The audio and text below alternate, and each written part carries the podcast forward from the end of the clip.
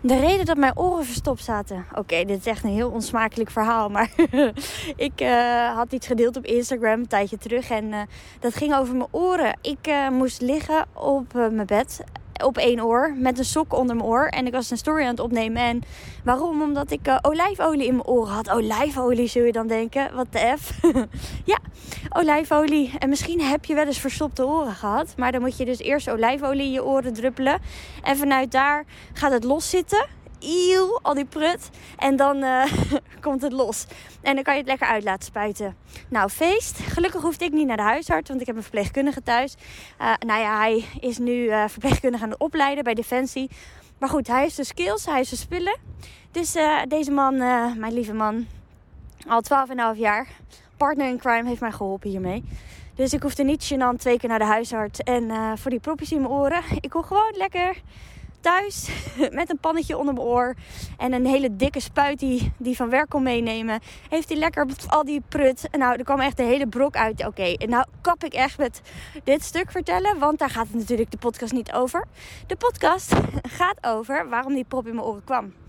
En ik neem hem nu meteen buiten even op, want ik had vanmorgen een coachsessie met mijn eigen coach. Want ik ga naar een business mentor. Zij is eigenlijk mijn mentor en zij helpt mij in mijn bedrijf. Maar bij het stukje van mijn bedrijf, bij persoonlijke ontwikkeling, hoort ook het stukje. Um, nou, ik zeg voor mijn persoon. Dat eigenlijk heb ik het al gezegd. Sorry. Ik bedoel, bij uh, het groeien van mijn bedrijf en het groeien in mijn werk hoort ook een stukje persoonlijke ontwikkeling. En dus ook het stukje van mijn innerlijke. Want ja, ook mijn innerlijke uh, spiegelt mijn uiterlijke. Dus mijn binnenwereld spiegelt mijn buitenwereld. Ik benoem het best wel vaak. Want hij is heel belangrijk om te herkennen en te erkennen. Is wat je allemaal ziet in je buitenwereld komt door wat jij beleeft in je binnenwereld. En sorry voor de herrie, want ik ben buiten en daar rijdt een trein langs. En ik ga nu een andere brug onderdoor. Echt een perfecte timing om een podcast te starten. Sorry Rens, want uh, mijn partner edit ook mijn, mijn podcast en die heeft een hekel aan dit soort herrie. Maar ik doe het toch, het hoeft niet perfect.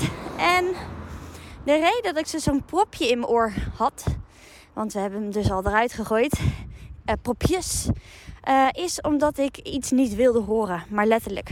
Ik uh, wilde gewoon echt iets niet horen. En ik geloof erin dat elk lichaamssignaal, dus als er iets gebeurt in je lichaam, bijvoorbeeld een propje in je oren, maar ook spanning in je nek, in je schouders, bekkenklachten of andere, een haaruitval, kan van alles zijn waar je last van hebt natuurlijk. Uh, dat, dat wil jou wat vertellen. Dat wil, jouw lichaam geeft een signaal voor iets wat jij negeert. En daarom gaat je lichaam daarop reageren. Nou, ik neem je mee in deze podcast wat het bij mij was.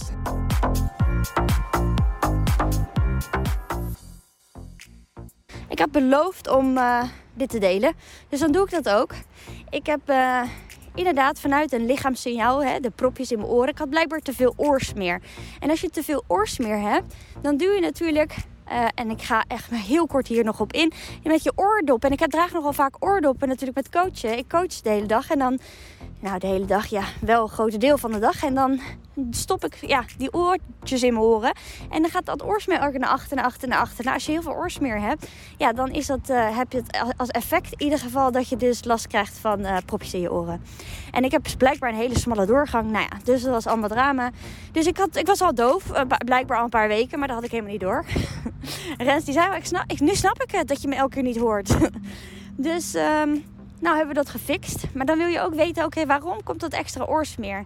Waardoor je dus die propjes in je oren krijgt. Want ja, dit wil ik niet nog een keer. Het is echt uh, niet uh, iets heel leuks. Het is ook niet heel erg, maar het is ook niet leuk. Dus nu weet ik het. Want vanmorgen had ik dus een coachsessie met mijn coach. En uh, ja, ik heb dus de laatste weken heel erg doorgelopen met bepaalde gevoelens die ik niet heb, er heb laten zijn. En dat komt omdat ik het heel erg rationeel aan het bekijken was. En het ging onder andere, want er waren een aantal dingen, over mijn moeder. En mijn moeder, die past op op Ibe en Jent. Alleen Jent gaat naar school en Ibe is nog drie, die is binnenkort vier. En zij struggelen een beetje met elkaar. Uh, mijn, ik heb een broer. En mijn broer, Remco, die spiegelt Ibe. En wat bedoel ik daarmee? Ibe is geen jongetje wat precies doet wat jij zegt. Het is een jongetje die heeft een sterke wil, een sterke mening. Die weet wat hij wil en hoe hij het wil. En dan moet het het liefst op die manier gaan. En dan gaat hij heel erg in zijn emotionele brein zitten. Als hij bijvoorbeeld een koekje wil en dan krijgt hij een koekje. Dan blijft hij tetteren om een koekje. Totdat jij goed duidelijk uitlegt waarom hij niet een koekje krijgt. Want anders blijft hij doorgaan. Dus wat wij dan zeggen. hey, je wil nog een koekje. De koekjes zijn zo lekker. Je had vanmorgen ook al een koekje. Hoe smaakte die? Ja, zo lekker mama. Oké, begrip. Heel fijn. Nou, vanuit daar kan je zeggen tegen Ibe. Ja, en morgen kun je weer zo'n lekker koekje eten. Want als jij nu heel de tijd koekjes eet en nu weer één en straks weer één. En, hè, want er zit suiker in. En nou ja, dan kan je dat dan uitleggen eventueel. Maar misschien is dat al te veel. En dan, ja, dan krijg je en hè, je buikje gaat ervan groeien. Want ja, te veel koekjes is niet zo goed voor je buikje. En uh, weet je, want er zit suiker in en bla. En daardoor um, ja, reageert je buikje niet lekker. En dan krijg je, weer, krijg je geen fijne poep, weet je. Dan reageert je poep weer op. En dat is dan ook weer niet zo fijn. Nou ja, dat. En hij weet hoe belangrijk het is om, dat zijn poep goed is. Want hij heeft ook heel veel allergieën, dingen en wat hij niet mag en zo. Dus hij weet dat dat een belangrijk onderdeel is. En als je dat dan uitlegt. Oké, misschien niet zo uitgebreid als nu. Ik dacht, ik neem even wat voorbeelden mee. Heb je misschien als je ook kinderen hebt tips hoe je dat kunt doen. Maar dan, ja, dan herkent dat kind dat. Dan doet dat linkerbrein weer mee. Want ja, een kind gaat heel snel zitten in zijn rechterbrein. En dan kan hij het begrijpen. En dan zal hij daar oké mee zijn. Maar dat is niet de way mijn moeder het bekend mee is. En ook niet. Ja, ze kan dat niet op die manier uitleggen. Dat vindt ze gewoon niet zo makkelijk. Dus mijn moeder belde mij op gistermiddag. En ze zei: Jolien, ik wil eigenlijk niet meer oppassen. Ja, Ibe luistert gewoon niet. Hij luistert niet naar mij. En hij zegt ook nog eens stomme oma. En ja, hij vindt het helemaal niet leuk met mij. En ik vind het eigenlijk ook niet meer leuk met hem. Nou, ik zeg, nou, wat ben ik blij dat jij dit uitspreekt. En ik hoorde dit natuurlijk al weken. Want ik ben boven aan het werk. En ik hoorde al weken dat ze aan het struggelen waren. En Ibe kwam ook geregeld naar me toe. En ja, dan zei die oma dit, oma dat. En het was allemaal niet leuk. En dan moest ik weer naar beneden. En dan ging ik met hun in gesprek. En weet je wel, dan kon ik wel een beetje zo van... Oké, wat voel jij, mama? En wat voel jij, Ibe? Oké, hoe kunnen jullie hier samen inkomen? En ik merkte daar al een beetje dus zo van het is oké. want ik wil dat Ibo oké is. Ik wil dat mijn moeder oké is, weet je wel. Maar dan laat ik het daarna ook wel weer los. Want het is niet aan mij om aan te geven: hey, ik wil het niet meer. Of ik moet anders. Of ik heb handvaten nodig. Of weet je, ik hoef niet voor mijn moeder te zorgen. Dat moet ze zelf regelen. Maar ondertussen borrelde er wel iets bij mij. En dat was een bepaald gevoel van toch wel boosheid. En boosheid te herkennen en erkennen, daar is soms nog een valkuil voor mij. Want ik ben niet gewend om boos te zijn. Dat is niet vanuit mijn jeugd. Ja, heb ik dat geleerd om boos te zijn. Ik had keurde het eerder af omdat mijn vader heel vaak heel boos was. Dus die boosheid borrelde een beetje in mij, maar die heb ik dus genegeerd. Nou, zo ontstond er dus een propje in mijn oren. Want dit speelt al weken. En uh, als het al niet maanden is, het is een beetje op en af geweest, maar de laatste ja, tijd gaat het weer wat minder. En het ging eigenlijk best oké, want er zijn ook hele fijne en leuke momenten die ze hadden. Maar als ze struggelen, dan struggelen ze ook echt. En lopen ze gewoon vast. En dan zitten ze allebei boos te doen op elkaar. Ja, ja, mijn moeder en een driejarige. En dan zien ze gewoon even geen uitweg, allebei. En uh, nou, dus daarom ben ik ook heel blij dat mijn moeder dat gesprek, weet je, dat ze het aangaf bij me. Want ik dacht, ja, fijn dat je er nu mee komt. En dat je hè, vanuit hier kunnen kijken naar andere mogelijkheden. Als je doet wat je altijd deed, krijg je wat je altijd kreeg. Dat heb ik haar ook uitgelegd. En dan heb ik haar ook verteld, oké, hoe ga ik ermee om? Zij vroeg of wij met Ibe wilden praten. Ik zei, nou, ik kan natuurlijk met Ibe praten. Dat heb ik ook gedaan. We hebben ook even gefacetimed, even weet je, met oma erbij praten. Want ja, ik dacht, ik kan wel alleen met Ibe praten. Maar het probleem ligt niet alleen in Ibe. Het ligt in, ja, zij is de ouderlijke rol op dat moment. Zij heeft er eigenlijk mee te dealen. Maar dat is dus, ja, voor haar niet even makkelijk. Toch is zij dan, heeft zij het gevoel dat Ibe zich moet aanpassen. En dat is ook iets wat ik dus vroeger heel, heb, heel erg heb gedaan. Daardoor herken ik dat natuurlijk nu ook heel erg. Dat is me aanpassen. Dit is ook iets wat de oudste altijd heeft gedaan. En daarom zei mijn moeder ook, ja, met Jent, de oudste, heb ik daar helemaal geen last van gehad. Nee, dat klopt. Want Jent is een ventje wat gewoon ja, zich aanpast, net als ik. Heeft een beetje hetzelfde karakter als ik. Maar Ibe is een beetje hetzelfde als Rens. En mijn broer dus. En ja, die laten wel van zich horen. Wat eigenlijk ook wel weer fijn is, want dan weet je wel wat je aan ze hebt. Weet je wel, die geven grenzen aan. Die staan dichter bij zichzelf. En met, bij Jent moeten we daarvoor waken dat hij dicht bij zichzelf blijft staan. En Ibe doet zich uit zichzelf al. En ja, Ibe heeft weer Uh, Jent heeft weer andere valkuilen en Ibe heeft weer andere valkuilen. Ja, het zijn allemaal plussen of minnen. Het maakt eigenlijk niet uit, weet je. Als je maar balans vindt in je plussen en minnen. En het zijn overigens geen goed of fout of plussen en minnen. Maar even om een beeld te scheppen. Nou, zo ben ik buiten adem. ik ben aan het snel aan het lopen. Ik moet even wat rustiger lopen. Dus we hebben vanuit hier gekeken. Hoe ga jij een leuke dag kunnen hebben, mam? En hoe gaat Ibe een leuke dag kunnen hebben? En dus hebben we zo gefacetimed en hebben we gekeken, oké, wat wil Ibe doen? Wat wil oma doen? En ja, hoe kunnen we dan naar elkaar luisteren vanaf nu? En weet je wel, dat we elkaar echt gaan horen en echt gaan zien. Nou, ik heb vooral bij oma heel erg uitgelegd dat het helpt hè, als Ibe zich echt gehoord en echt gezien voelt. Maar ook dat je hem echt begrijpt, dus ook echt hem voelt en niet doet alsof en eigenlijk ondertussen ergert en je boos bent. Want dat, dat werkt niet voor een kind. Even niet die, voor die van mij. Ja, boosheid werkt sowieso heel erg averechts voor kinderen. Um, je kan wel boos zijn, een grens aangeven, maar niet echt boos zo van jij doet het verkeerd. Want dan ja, heeft een kind zoiets van oh ik doe het niet goed. En dan gaat het alleen maar ja, harder schreeuwen om aandacht om het wel goed te kunnen doen. En vaak is dat op een negatieve manier. Want ja, aandacht is beter dan geen aandacht. Negatieve aandacht is beter dan geen aandacht. Nou, uiteindelijk al met al. Vanmorgen ging het allemaal hartstikke goed. Ze hebben een hele leuke dag. En uh, ik weet niet hoe het nu is, maar ze hebben in ieder geval nu een hele leuke dag. En dus het is maar net hoe je er naar kijkt, naar je dag. Als jij daar al, ja, als oma meteen al met een bepaald gevoel uh, gaat oppassen, zo van ik heb er geen zin in, dan voelt Ibe dat. En dan zal het ook geen leuke dag worden, want zo werkt het hè, in je mind. Als jij een negatieve intentie hebt, zonder dat je het door hebt, zo van ik heb geen zin, dan zal het ook niet leuk worden. Maar als jij een intentie zet van oh, ik ga er een leuke dag van maken, dan zal het ook een leuke dag worden. Vaak hè, 9 van de 10 keer. Behalve als je wordt uitgedaagd door dingen, maar dan is het weer om daar weer mee om te gaan. Want het is, het is de kracht van ja, mee omgaan wat er op je pad komt. Hè? Die veerkracht, die, ja, die liefde naar jezelf, compassie naar jezelf. Als er wat gebeurt, oké, dit is gebeurd, dit heb ik gedaan. Ik vergeef het en ik ga weer door. En ik ga weer kijken hoe het anders kan. Nou, waarom had ik dan die proppen in mijn oren of proppen in mijn oren? Dat kwam dus, er komt weer van alles aan, sorry voor de herrie. Dat kwam dus omdat er dus ook een stuk in mij, ondanks dat ik heel goed met deze situatie kon dealen en ik ook heel erg sterk voelde: oké, ik ga nu mijn moeder wat leren, tussen aanhalingstekens. Een vrachtauto. Ik ga nu mijn moeder leren om hiermee om te gaan. Om met Ibe om te gaan. Want het is ook mijn kind. En ik wil ook. Hè, maar mijn moeder wil eigenlijk een hele fijne, goede oma zijn. En Ibe wil ook gewoon het leuk hebben. En een goede band met oma hebben. Dus eigenlijk willen ze allebei hetzelfde. En het lukt niet. Dus ja, waarom zou ik daar niet hun bij begeleiden op een gezonde manier? Wel vanuit Jullie en niet vanuit de coach natuurlijk. En vanuit gewoon de mama van Ibe eigenlijk.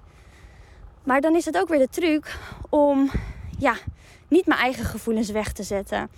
En omdat ik er zo goed mee om kon gaan, omdat ik heel goed kon schrijven tussen: oké, mama, ik vertel jou iets. En daarna ben ik weer je dochter, weet je wel? Vanuit die rol. Dus niet dat ik voor mijn moeder blijf zorgen, maar ik kan heel erg voelen ook dat ik dan heel even boven mijn moeder sta. Dat is het systemische stuk. Als je daar niks van af weet, geef niet. Maar dat ik daarna vanuit, als ik daar even ben geweest, dat ik even boven mijn moeder heb gestaan, dat ik dan ook wel weer voel dat ik afzak. En dat ik er gewoon weer onder kan staan en gewoon haar dochter kan zijn. Maar vanuit die dochterrol speelde er nog iets. Er zat nog een kindstuk. Um, dat meisje van mij, dat, een meisje in mij, dat was gefrustreerd, was boos. Dat voelde van alles. Want waarom? Ja, hallo, moet ik in één keer mijn moeder gaan vertellen hoe zij moet opvoeden? Ik bedoel, mijn moeder hoorde mij toch er voor mij te zijn. Die hoort toch te weten hoe ze voor mij hoorde te zorgen. En nu moet ik, moet ik haar gaan vertellen hoe ze met mijn kind om moet gaan. Terwijl zij moet toch die wijsheid hebben. Zij moet mij dat toch eigenlijk leren. Nou, vrachtauto. Ja, dat voelde ik dus. Dus die boosheid die zat er ook. Maar die boosheid nam ik dus niet helemaal serieus. En omdat ik daarmee heb doorgelopen, doorgelopen, doorgelopen, doorgelopen. Ik wilde het letterlijk niet oren, hè, proppen in mijn oren. Kreeg ik dus lichamelijke onrust. En was dit dus nog iets wat ik moest herkennen. Zo van, ja, ik voel me boos. En ik vind het niet leuk. En ik vind dat zij die wijsheid hoort te hebben. En nou ja, na dat allemaal uitgesproken te hebben in de coaches en even wat tranen te laten. Nou, was het eruit. En ik voel me weer als herboren. Want wat gebeurde er gisteren? Ik ging schoppen tegen alles aan. Ik vond alles even helemaal stom. Ik voelde me net weer een puber die even alles stom vond in het leven. en dat komt omdat er dan zo'n boosheid zit te, ja, te sluimeren. En die moet eruit. En als je daar niks mee doet, dan, uh, ja, dan krijg je daar dus last van. Lichamelijke onrust van. Nou was er nog iets wat ik uh, los mocht laten. En dat had te maken met een vriendin die had gepraat over mij tegen een andere vriendin. En nou, we, zijn al een langere tijd dat we wat minder contact hebben met elkaar. Want ja, ik verander, zij verandert, iedereen verandert in het leven. En dat is helemaal oké. Alleen, ja, dat zij achter mijn rug om praat met een vriendinnetje van mij. Dat vind ik niet oké, want ik voel altijd heel sterk. Is dat we gewoon transparant mogen zijn. Dat we gewoon eerlijk mogen zijn naar elkaar. En ja, neem je verantwoordelijkheid als je daar iets bij voelt. En ga daar niet over, tegen een ander over praten. En, en niks ten nadele van haar, hè? want alle liefde ook naar haar. En ik snap haar. En ik snap het heel rationeel ook waar het bij haar vandaan komt. Waarschijnlijk snapt zij het niet, maar ik wel. ik hoop niet dat ze deze podcast luistert. Dat maakt me anders ook niet uit. Maar weet je, het is anoniem. maar ja, en omdat ik het rationeel weer allemaal zo goed begrijp. Omdat ik begrijp bij haar waar het in zit dat zij zo op die manier naar mij wijst. Want het is natuurlijk oordelen over de ander. Dat, het ging erover dat ik ja, wel veranderd ben. Ja, klopt, ik ben echt niet meer dat meisje van 15, 20. Ik ben gelukkig ouder geworden en wijzer. En ja, dit is ook wat je ziet natuurlijk op Instagram. Maar er is ook nog een Jeline als een vriendin Jeline. Er is niet alleen maar een coach Jeline natuurlijk. En nou ja, dus die boosheid die ik had, omdat ik zoveel liefde voel voor haar en zoveel respect heb voor haar, en het dus ook begrijpt dat ze zo op die manier naar mij kijkt, ging ik voorbij die boosheid, die kindboosheid, die kindpijn. Zo van, oh, er is een vriendinnetje die praat over mij. Dat vind ik gewoon niet leuk. Vind ik, weet je, dat is gewoon een stukje kindpijn wat daar nog zat, zat dus, wat dus nog gevoeld mocht worden. Maar wat ik dus ook niet serieus nam, omdat ik zo liefdevol bleef. En niet omdat ik bang ben dat de ander me nog meer gaat veroordelen of whatever. Ik voel gewoon echt heel veel liefde en compassie voor mensen. En uh, heel veel begrip ook voor mensen. En ik vind ook dat iedereen mag vinden wat hij vindt. En, uh, maar er is daarin nog steeds belangrijk dat ik natuurlijk mezelf serieus neem. En ook mijn gevoel daarin serieus neem. Dus mijn coach zei ook... Ja, je begrijpt het allemaal zo goed. En daarom is het ook jouw kracht. Hè? Kan heel goed lijntjes leggen met dingen naar vroeger.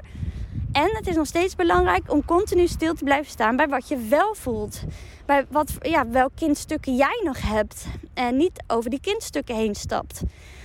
Dus mijn boodschap: stap nooit over je kindstuk heen. Sta altijd stil bij je gevoel, ondanks dat je het allemaal heel goed begrijpt en dat je weet waar het vandaan komt. Dat je altijd blijft stilstaan bij hoe het voor jou is geweest of is. Want ik weet ook nog wel heel goed dat ik vroeger, dat was een enorme grote valkuil, dat ik ja, wel vond dat ik wel een oké leven had gehad. En ja, er zijn toch wel mensen die het veel erger hebben gehad. Dan hoef ik toch geen hulp voor mijn leven, voor dingen die bij mij in mijn leven zijn gebeurd. Want ja, um, ja mijn vader heeft mij niet zo vaak geslagen. Wel mijn broer en mijn moeder, maar mij niet. En er is alleen maar ruzie thuis. Maar ja, hoe erg is dat nou? Ik bedoel, bij iedereen is toch wel eens ruzie thuis. En ja, mijn ouders zijn toch gescheiden. Daarna werd het toch weer rustiger. Maar goed, ondertussen was mijn vader over aan het klagen over mijn moeder. En mijn moeder aan het klagen over mijn vader tegen mij. En was ik zo'n tussenpersoon geworden. Maar ja, hoe erg is het? Ik bedoel, 9 van de 10 mensen zijn tegenwoordig gescheiden. Iedereen heeft dit toch ervaren. Dus heel erg het rationaliseren, het goed willen praten van wat er daadwerkelijk is gebeurd. Maar ja, daarmee neem je niet je eigen gevoel serieus. Neem je niet jezelf serieus. Dus die gevoelens die blijven allemaal maar hè, rondwarrelen in jouw systeem, in jouw lichaam.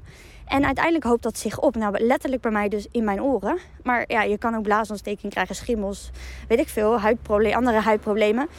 Dat is ook eentje die ik heel vaak hoor en zie overigens. Um, huidproblemen. Maar, um, en dat wil je niet. Dus sta stil bij alles wat je voelt. En daardoor zullen lichamelijke klachten afnemen en of weggaan. Zeker als je hier hulp bij krijgt en de kern aanpakt. Want daar gaat het om. Ik geloof er altijd in als je niet meteen direct naar de kern gaat, dat je dan, ja, dat het dan weer terugkerend patroon blijft. Dus ja, dat doe ik ook in mijn coachingstraject, is dat ik echt terug ga naar waar ben je dingen gaan geloven. En wat heb je daar gevoeld? Zodat je echt die emotie vanuit de kern ontdooit, als het ware. Waar je dat ooit hebt opgeslagen. En dat je het kan kwijtraken, dat je het kan loslaten. Dus als je voelt, nou, ik wil je een keer over in gesprek. Stuur dan even een bericht op Instagram, linea-forward in een persoonlijk bericht. Of je gaat um, even naar mijn website kan ook www.lean-forward.nl slash coaching. En kijk daar even naar het traject. En of je daar een vrijblijvend gesprek kunt aanvragen. Uh, gesprek kan meestal, heb ik daar mogelijkheden voor, behalve als ik heel vol zit. Dus check het even. Oké, ik wens jou een hele fijne dag. Doei!